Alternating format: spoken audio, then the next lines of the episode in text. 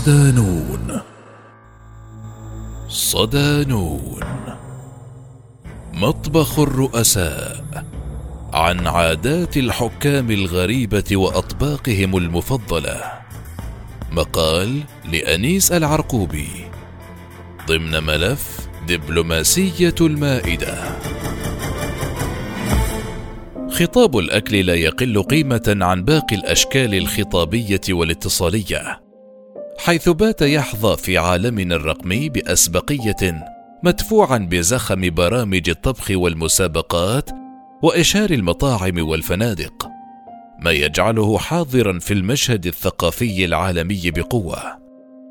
وبما أن أذواق الناس تختلف في الطعام وطريقة تناوله وفي العادات الغذائية المتبعة من شخص إلى آخر فلكل واحد منهم طبقه وأكلته المفضلة التي تفتح شهيته وتلبي إشباعه. فالأمر ينطبق كذلك على رؤساء الدول والزعماء فهم أيضا لديهم وجبات خاصة تختلف حسب ميولهم ونشأتهم. فبين الرفاهية والبذخ والبساطة والتواضع وأيضا الغرابة والرعب تتنوع أكلات زعماء الدول وعاداتهم الغذائية. وفي هذا التقرير ضمن ملف دبلوماسية الموائد سنعرض لكم أبرز أكلات الرؤساء والزعماء حول العالم. بين الأمس واليوم صورت الروايات التاريخية في أجزائها المخصصة لقصص الملوك والأمراء والأباطرة القصور العامرة بالطقوس الاحتفالية والغناء والموسيقى والموائد الأسطورية في ترفها وتنوعها. لتنقل عادات الطعام وفنون الأكل في تلك الأزمنة. فالاهتمام بدراسة الأطعمة وآدابها في المجتمعات القديمة التي تقدم نظرة جديدة للتاريخ قد تعطينا فكرة واضحة عن تلك العصور من منظور اجتماعي وثقافي. مع التطور الحضاري المضطرد والنهضة الاجتماعية والثقافية تغيرت موائد الملوك والسلاطين وعقيدتهم الذوقية وانتقل الاحتفال العلني بالولائم إلى الدوائر الضيقة مع اعتماد البروتوكول الصحي والإتيكيت. وبات القادة أكثر حذرا من أي وقت مضى خوفا من التسمم أو المرض. طعام الرؤساء في صورته الحالية أصبح سريا للغاية يرتقي إلى قضايا أمن الدولة. فمن الصعب تحديد عاداتهم الغذائية والأطعمة المفضلة لديهم. في حال امتنع الطهاة عن الإفصاح ببعض كواليس مطابخ القصور. فمن رأس العجل الذي يعشقه جاك شيراك إلى آيس كريم الفستق الذي يحبه فلاديمير بوتين. يظل الطعام موضوعا حساسا للغاية في دوائر السلطة. لذلك عندما سئل الطباخ الألماني عن وصفات أنجيلا ميركل المفضلة أجاب أورليش كيريز بالقول لا أستطيع أن أخبرك بما تفضله وإلا فإننا سنطبخ هذا الطبق في جميع أنحاء العالم. فيما رد رئيس ومؤسس نادي الطهاة جيل بيرغارد عن عادات رؤساء فرنسا قائلا في دوائر القوة يعد الطعام موضوعا حساسا للغاية. رؤساء فرنسا. يفضل شارديغول البازلاء وهي تظهر جانبا من شخصيته العسكرية المتقشفة أي أنه لا يقضي الكثير من الوقت على الطاولة. أما فرانسوا ميتيرون فعاداته الغذائية تبعث على الغموض. فالرئيس الاشتراكي يهوى الكافيار أكلة البرجوازية على عكس الأيديولوجية التي يحملها ويروجها أمام الشعب. لذلك ألصقت به تسمية يسار الكافيار كما عرف عنه تفضيله للمطبخ الفرنسي العريق حيث قام بتجنيد طباخ لأعداد الوصفات التي كانت جدته تعدها. يعرف جاك شيراك بأنه مضيف مرح يعرض أطباقه المفضلة على ضيوفه ووجباته على الموظفين. له ميول للمطبخ الآسيوي وكان يحب الأطباق الدسمة بما فيها طبق رأس العجل. إلا أن مداومة مطبخ الإليزي على إعداده جعله ينفر منه. يعلم الفرنسيون أن الرئيس فرانسوا أولاند لا يحب الخرشوف والهليون فهم يتذكرون جيدا الحادثة الدبلوماسية في مايو أيار 2012 حيث قدمت أنجيلا ميركل الهليون في أول زيارة للرئيس الفرنسي إلى برلين. أما ساركوزي فيقول برنارد فوسيون الذي أدار مطابخ قصر الإليزيه لما يقارب أربعين عاما إن رئيس الجمهورية كان يكره الخرشوف ويحب موس الشوكولاتة. كما عرف عنه أنه لا يحب النبيذ والجبن بينما في مقابل ذلك يدمن الشوكولاتة. كما يطلب الزوجان ساركوزي عادة قائمة بسيطة للغاية مكونة من سلطات ولحوم بيضاء. وبالطبع مكرونة للسيدة ساركوزي كارلا بروني ذات الأصول الإيطالية. قادة أمريكا. في عام 1999 حظر الجمهوري جورج بوش الأب البروكلي من الوجبات المقدمة في البيت الأبيض وعلى متن طائرة الرئاسة. وكذلك في ثكنات القوات الجوية ونقل عنه قوله أنا لا أحب البروكلي لم يعجبني أبدا عندما كنت طفلا وأطعمتني إياه أمي. أنا رئيس الولايات المتحدة ولن آكل البروكلي بعد الآن. هذا التصريح الفضيحة الذي سمي آنذاك ببروكولي جيت دفع بالمزارعين إلى إرسال عشرة أطنان من هذه الخضروات إلى البيت الأبيض كنوع من الاحتجاج.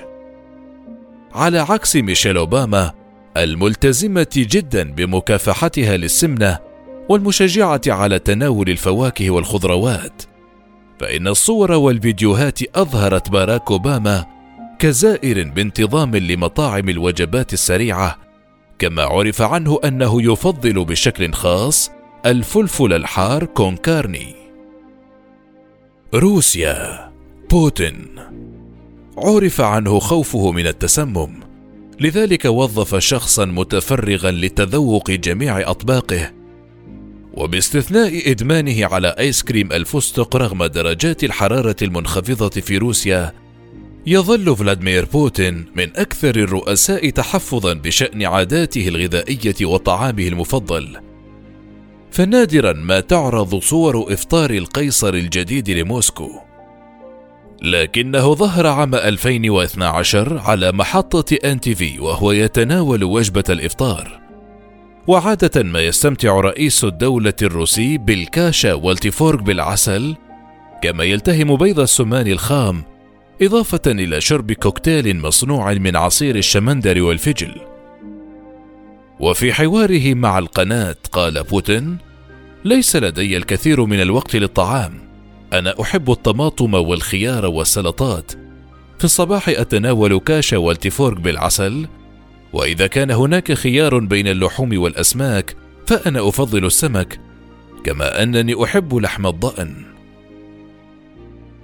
ملكة بريطانيا. تبدأ الملكة إليزابيث الثانية يومها بكوب شاي أخضر من علامتها التجارية المفضلة توينينغز وهي شركة إنجليزية معروفة تزود الشاي في جميع أنحاء العالم ورقائق الحبوب Kellogg Special K مع الفواكه وفي بعض الأحيان بيض مخفوق مع سمك السلمون المدخن. أما في منتصف اليوم فتستهل طعامها بكأس نبيذ من ماركة ديبونت إضافة إلى طبق السمك مع السبانخ والكوسة أو الدجاج المشوي وتميل إلى الابتعاد عن النشويات في الغذاء. عشاء الملكة البريطانية لا يبتعد كثيرا عن مائدة منتصف النهار. بعض اللحوم والخضروات المطبوخة ببساطة وقد تطلب لحم الغزال إذا رغبت في ذلك اما التحلية فهي مولعة بالشوكولاتة وحلوى الفراولة والخوخ.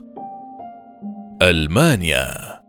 الفهرر وميركل من يصدق أن فهرر الرايخ الألماني والرجل القوي الذي قارب على احتلال العالم لا يأكل اللحم وكان نباتيا. الوجبة الأخيرة لهتلر تكشف بدقة ميوله الغذائية. ففي الثلاثين من أبريل نيسان 1945 وصلت الفتاة البالغة من العمر 25 عاما إلى ملجأ هتلر حيث طلب منها طهي آخر عشاء له وهو عبارة عن بيض مقلي مع بطاطس مهروسة.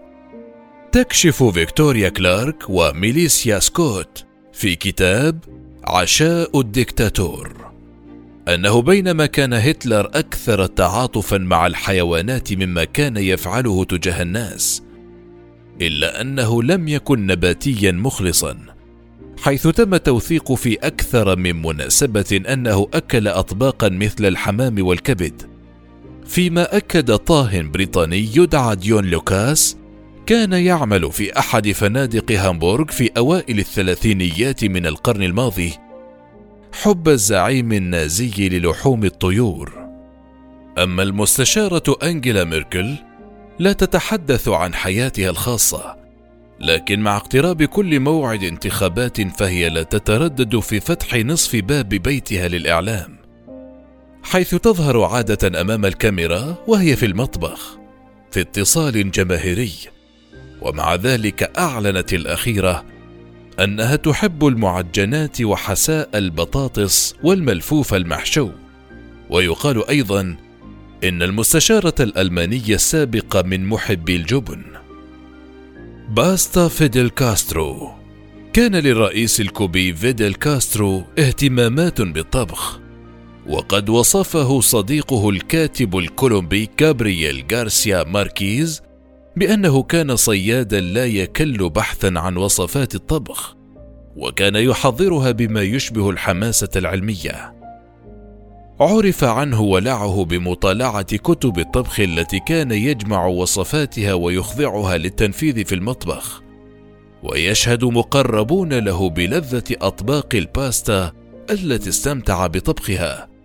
وكان يبدأ القراءة مع تناول طعام الفطور ويتعدى ما يقرأه يوميا مئة صفحة من الأخبار بحسب ماركيز. مسكوف صدام حسين. حكم العراق ما بين عامي 1979 و 2003 كان يحب اللحوم الطازجة والخالية من الدهون إضافة إلى الجمبر الطازج والزيتون الذي يأتي مباشرة من الجولان. أما وجبته المفضلة كانت السمك المشوي على النار المسكوف فكان من الممكن أن يتناوله في أي وقت من اليوم وكان يحبه طازجا قدر الإمكان حيث قد يوقظ العاملين في المطبخ عند الخامسة أو السادسة صباحا لشواء السمك الذي اصطاده بنفسه. أما عن الأكلات التي كان يحبها الرئيس العراقي صدام حسين فهي في مجملها أكلات محلية مثل مرقة البامية وشوربة العدس وشوربة سمك خاصة بالمنطقة التي ولد ونشأ فيها تكريت. ناقة القذافي. عرف العقيد الليبي الراحل معمر القذافي بعشقه لشرب لبن النوق وكان هذا اللبن يسبب له عسر هضم وآلاما في المعدة. ورغم ذلك لم يتنازل عن شربه. وكان من شدة حبه لهذا اللبن يصر على ضيوفه أن يشربوا منه وهو ما تجنبه رئيس الوزراء البريطاني توني بلير خلال زيارته إلى طرابلس بعد نصائح مستشاريه كما أحب القذافي تناول الأسماك بكثافة وخاصة تلك التي تطهى على الطريقة الليبية وبعض الأكلات الشعبية كالكسكس بلحم الجمال إضافة إلى المعجنات وخاصة الإيطالية. بول بوت الجامبودي زعيم حركة الخمير الحمر في كمبوديا الذي اتصف ببطشه وأعدم ما يقرب مليوني جمبودي بالأعمال الشاقة أو جوعا حتى الموت. من وجباته المفضلة حساء الكوبرا والفواكه الطازجة والنبيذ الصيني.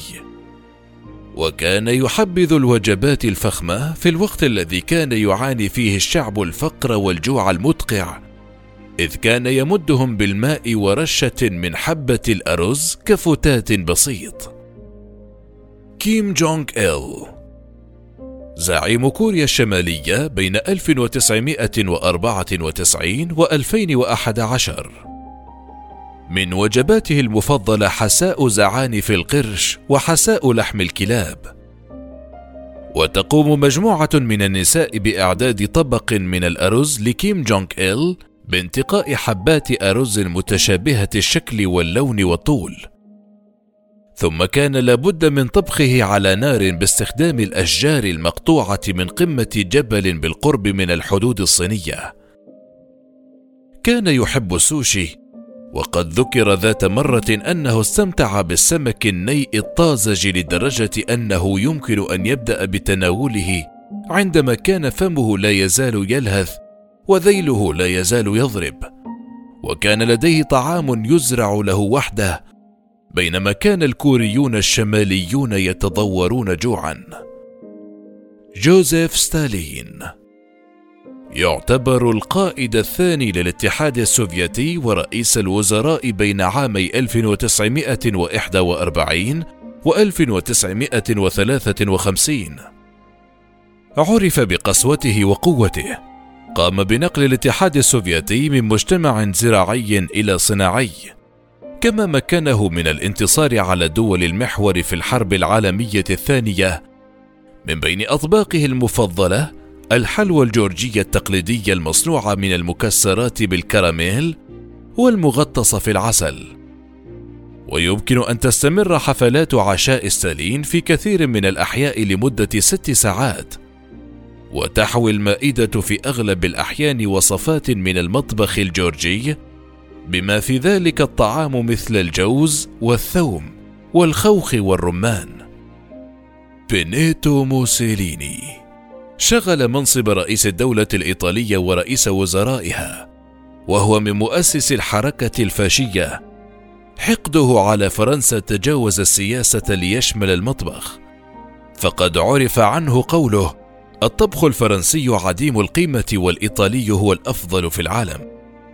من عاداته أنه كان يحب تناول وجبات الطعام في منزله مع زوجته رشيل وأطفاله ضمن أوقات محددة. ويفضل أن يجلس جميع أفراد أسرته إلى المائدة قبل وصوله. أما طبقه المفضل فهو سلطة بسيطة مشكلة من الثوم الخام المفروم مع الزيت والليمون. هذه العادة الغذائية يبدو أنها عدلت لاحقا بعد تشخيص إصابته عام 1945 بتضخم الكبد وارتفاع نسبة السكر في الدم وتشوه في الكولون. لذلك تغير نظامه ليشمل الأرانب والدجاج. أخيرا، قد تظهر عادات الطعام لدى الزعماء ذوقا رفيعا في اختيار الطعام وتفننا في تجويد الأطباق. لكنها في ذات الوقت تكشف أن كثيرا منهم يفتقدون للحس الإنساني والأخلاق إذ يبذخون إلى أقصى حد لإعداد وجباتهم فيما لا تجد شعوبهم رغيف خبز أو حفنة رز.